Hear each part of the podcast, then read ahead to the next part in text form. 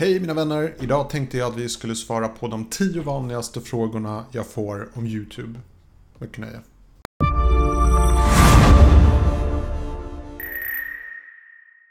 Hej och välkomna! Mitt namn är Tommy och jag hjälper dig att bemästra social media idag. Om du är ny här, glöm inte att göra hashtag nyprenumerant så jag kan välkomna dig ordentligt. Lite kort om mig själv, jag jobbar som konsult och jag har en akademisk bakgrund inom marknadsföring och min stora passion här i livet är YouTube. Och jag gissar att du också är intresserad av det, så vi sätter igång. Jag, ska, jag tänkt göra den här videon ett bra tag nu och det är där jag samlar ihop de vanligaste frågorna som jag får. Eh, jag får dem på mail, jag får dem på Instagram, DMs, eh, jag får dem i kommentarer. Samla ihop de absolut vanligaste frågorna och besvara dem i en video. På det sättet så kanske Ehm, du har många frågor och de vanligaste frågorna kommer antagligen besvaras här så chansen är rätt stor att just din fråga kommer besvaras i den här videon. Så vi sätter igång. Ehm, jag har de här på skärmen så jag har samlat ihop dem. Så den första frågan, ehm, det här är definitivt den vanligaste frågan och det är hur får jag mer prenumeranter till min YouTube-kanal? Och eh, när jag hör den här frågan så får jag lite av en varningssignal. Jag vill, jag vill liksom inte svara på den frågan utan att först förklara en sak om prenumeranter. Så det absolut viktigaste att komma ihåg det är att man får många visningar och mycket prenumeranter om man gör bra videon. Så istället för att fråga hur får jag fler prenumeranter? Så bör man egentligen fråga sig själv hur kan jag göra bättre videon så att jag får fler visningar och prenumeranter? Eller hur? Sen så finns det såklart ett par knep och så vidare och det är de jag vill undvika och eh, berätta om. Jag har gjort videon om det här och det finns en massor av knep. Du kan ha en sån här eh, animation som finns för nedladdning på min hemsida till exempel. Du kan be dina eh, tittare prenumerera. Jag kör ju min hashtag nyprenumerant-grej för att uppmana till att prenumerera. Det finns massor av metoder. Man ska kanske inte göra för ofta. Det finns en viss strategi man kan använda om man ska ta det i början av en video eller i slutet av en video. Och så finns det de som menar på att man inte ska göra det alls. Eh, för det kan verka för eh, obvious och för desperat på något sätt. Och jag kan till och med själv säga att jag har väldigt svårt ibland när eh, YouTubers ber folk prenumerera i sina videon, då kan jag bli lite wow, wow, wow, det där lät lite för desperat för min smak, jag tänker inte prenumerera. Men sen så vissa, de är på något sätt så pass automatiskt charmiga att jag gör det.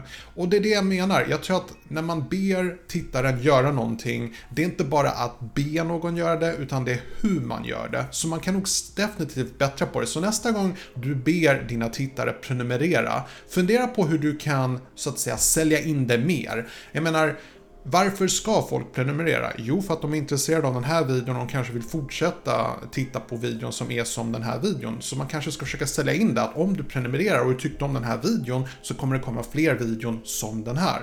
Så det finns lite metoder kring det, men återigen, jag hade ändå inte fokuserat så mycket på de här knepen. Jag hade mer fokuserat på hur kan jag förbättra mina videon så jag får fler visningar, längre visningstid så att algoritmen tycker om det och så vidare. Och sen kanske det leder till fler eh, prenumeranter och visningar.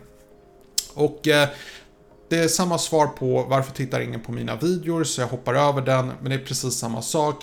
Eh, antagligen så har du inte sökoptimerat din video och därför är det inte så många människor som hittar. Och här är det väldigt viktigt tror jag att man har en tydlig målgrupp. Um, jag skulle vilja påstå att om du har en tydlig målgrupp så kan du streamlina ditt content, dina tags, dina videobeskrivningar och eh, du kan länka ihop dem genom att göra spellistor. Du gör det väldigt tydligt på din kanal vad den här kanalen handlar om. Och på det sättet så vet YouTube vem de ska rekommendera dina videon för. Så här, det är väldigt enkelt. Om, för att få mycket rekommendationer så måste YouTube-algoritmen förstå vad din video handlar om, vad din kanal handlar om. Och därför måste du vara väldigt tydlig mot en specifik målgrupp. Men om du gör videon om alla möjliga ämnen så vet inte YouTube vem de ska rikta dina videon till. Så därför är det väldigt tydligt, viktigt att vara tydlig i sin målgruppsdefiniering. Um, Tredje frågan är varför får jag tummen ner? Och eh, jag kan säga att den här frågan får jag väldigt ofta av en person i kommentatorfältet och det är Sanchez. Han ställer den här frågan eh, rätt ofta. Eh, varför får jag tummen ner? Och varför får man tummen ner? Uh, obviously, för att folk inte tycker om videon. Men ibland kan det vara mer än så. Eh, jag tror att det är väldigt viktigt att komma ihåg att eh, många som tittar kan bara vara frustrerade och irriterade på någonting helt annat som inte har med dig att göra. Jag tror att det har hänt mig faktiskt. Jag, jag erkänner det här. Jag har nog klickat på ogilla-knappen väldigt många gånger när jag har varit på dåligt humör. Jag vet inte, vissa av er kanske kan identifiera med den här känslan. Man, eh, man kanske till och med tycker videon är bra, men, men personen i videon kanske är väldigt positiv och glad medan man själv kanske är på dåligt humör och blir man bara irriterad att någon är så himla pigg och glad så man trycker på ogilla-knappen. Eh, men grejen är jag ska göra fler videor om det här, men gilla eller ogilla har inte så stor betydelse i det hela sammanhanget. Det är ingenting jag personligen lägger en alltför lång, eh, stor sikt på. Däremot om jag får en majoritet av ogilla på en video, då reagerar jag. Då tänker jag, okej, okay, det var någonting på den här videon som inte var bra. Men sen att jag har mina vanliga hatare, jag har väldigt lojala hatare på den här kanalen, bara så ni vet det. Och därför får jag nästan alltid ogilla på väldigt många videor. Och jag är helt eh, överlycklig varje gång jag ser det. Det betyder att folk är lojala och dyker upp eh, hela tiden. Så ja, ja, det stör inte mig ett dugg. Um, fråga jag får också är vilken kamera är bäst? Och jag tror man syftar då på YouTube-videon för olika kameror är bra för olika syften. Jag skulle väl säga att uh, kameran bakom mig, eh, uh, GH5, Eh, Panasonic Lumix GH5 är definitivt den bästa kameran på marknaden just nu och den är inte så speciellt ny, den är från 2017. Jag tycker fortfarande att det är den bästa kameran. Det finns de som skulle säga att den bästa YouTube-kameran är eh, Sony A7 III. Ehm, den är dyrare, den är dubbelt så dyr. Den har inte en flip-out screen och eh, den har en begränsning på hur länge man kan spela in. Men den har en helt fantastisk low-light performance. Så den har definitivt bra meriter och den är väldigt bra, det är en full frame och så vidare. Men jag skulle fortfarande säga att jag hade hellre haft två stycken GH5-or än eh, en Sony A7 S3. Det är bara så jag känner. Um, och så en vanlig, vanlig fråga jag får, och det här är lite av en kritik mot mig. Varför ska man lyssna på mig om jag är så liten? Nu har det här minskat väldigt mycket eh, sedan jag började den här kanalen. Speciellt i början när jag kanske hade 10 prenumeranter, sen 50 prenumeranter. Då har folk lite så här, typ, varför ska vi lyssna på dig? Jag har mer prenumeranter än dig. Och jag måste hela tiden förklara samma sak. Det är att det här är inte min enda kanal. Jag har en amerikansk kanal och dessutom den här kanalen har en väldigt liten målgrupp. YouTubers. Och det är inte så många YouTubers i Sverige som man skulle kunna tro. Eh, på max skulle jag gissa att det kanske är 10 000 prenumeranter jag kommer ha som max på denna kanal. Om inte jag utökar mitt content. Nu har jag ju lite videor om passiv inkomst och lite andra saker om podcast och Instagram och så vidare. Så det, det är möjligt att jag har eh, möjlighet och potential att utöka min målgrupp. Men just nu är det faktiskt ändå YouTubers som jag satsar på eh, främst. Och därför kommer jag inte ha speciellt många visningar eller prenumeranter på den här kanalen. Um, eh, väldigt vanlig fråga jag får också det är att folk undrar vad de ska göra videor om, för de vet inte vad de ska göra videor om. Och eh, det är förståeligt. Man vill göra videon, men man vet inte om vad och därför har jag till exempel gjort en liten lista på 50 stycken videoidéer och även en lista på 50 stycken kanalidéer som finns att ladda ner på min hemsida. Länk finns i videobeskrivningen. Um, det är bara för att komma igång med det hela. Sen skulle jag som vanligt vilja föreslå att så fort man får en idé så antecknar man den på mobilen eller på ett anteckningsblock eller någonstans. Bara så att man tränar upp sin hjärna, får upp vanan att Eh, tänka på bra idéer i bakgrunden när man sover och så vidare. Hjärnan är väldigt duktig på att lösa problem utan att man är aktiv i det hela. Så att en bra vana är att alltid anteckna videoidéer. På det sättet så kommer du få tusentals idéer. Ehm, jag kan säga att jag har aldrig ont om idéer för videon. Jag har flera kanaler, jag har aldrig... Det har aldrig hänt mig, kanske i början, men de senaste åren, det har aldrig hänt mig att jag tänker oh, ska jag göra videon om? Det är tvärtom. Jag har hur många idéer som helst och jag har inte tid att göra allting så jag måste välja vad jag vill fokusera på. Um, En annan väldigt fråga jag får är kan jag få en shoutout? Och eh, jag har gjort en video om varför jag inte gör shoutouts eller jag kan, jag kan göra en shoutout, men jag tror inte det är en bra idé att fråga andra YouTubers om shoutouts. För det kan hända att man attraherar fel målgrupp till sin kanal. Till exempel, du kanske har en Fortnite-kanal och du ber mig göra en shoutout och jag säger hej, kolla in den här kanalen, den är grym. Problemet med det är att mina prenumeranter, de är YouTubers så de kanske inte spelar så mycket Fortnite. Så därför är det väldigt viktigt att man är väldigt tydlig i sin shoutout. Att man säger Hej, om ni är intresserade av Fortnite eller gamingkanaler, kolla in den här kanalen. För annars kan det hända att man lockar till helt fel målgrupper, helt fel och det kan röra upp allting med eh, rekommendationer och så vidare. Så eh, man kan ofta göra mer skada än nytta med hjälp av en shoutout.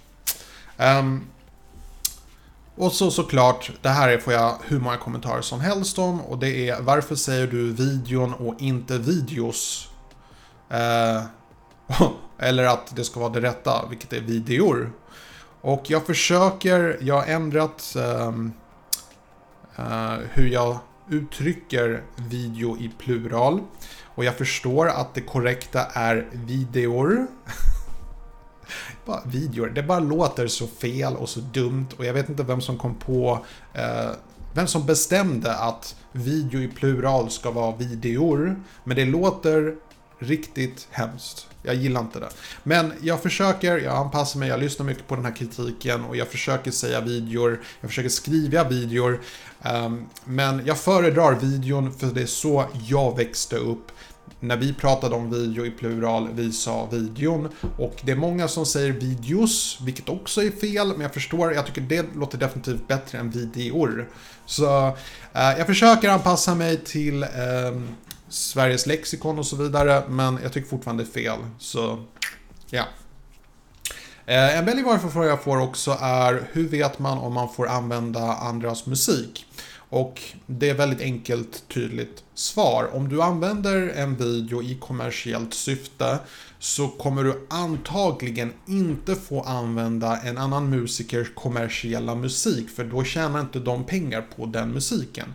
Däremot finns det bibliotek, jag rekommenderar till exempel Youtubes eh, Audio Library där man kan ladda ner musik till sina YouTube-videon. Jag har också musik på min kanal.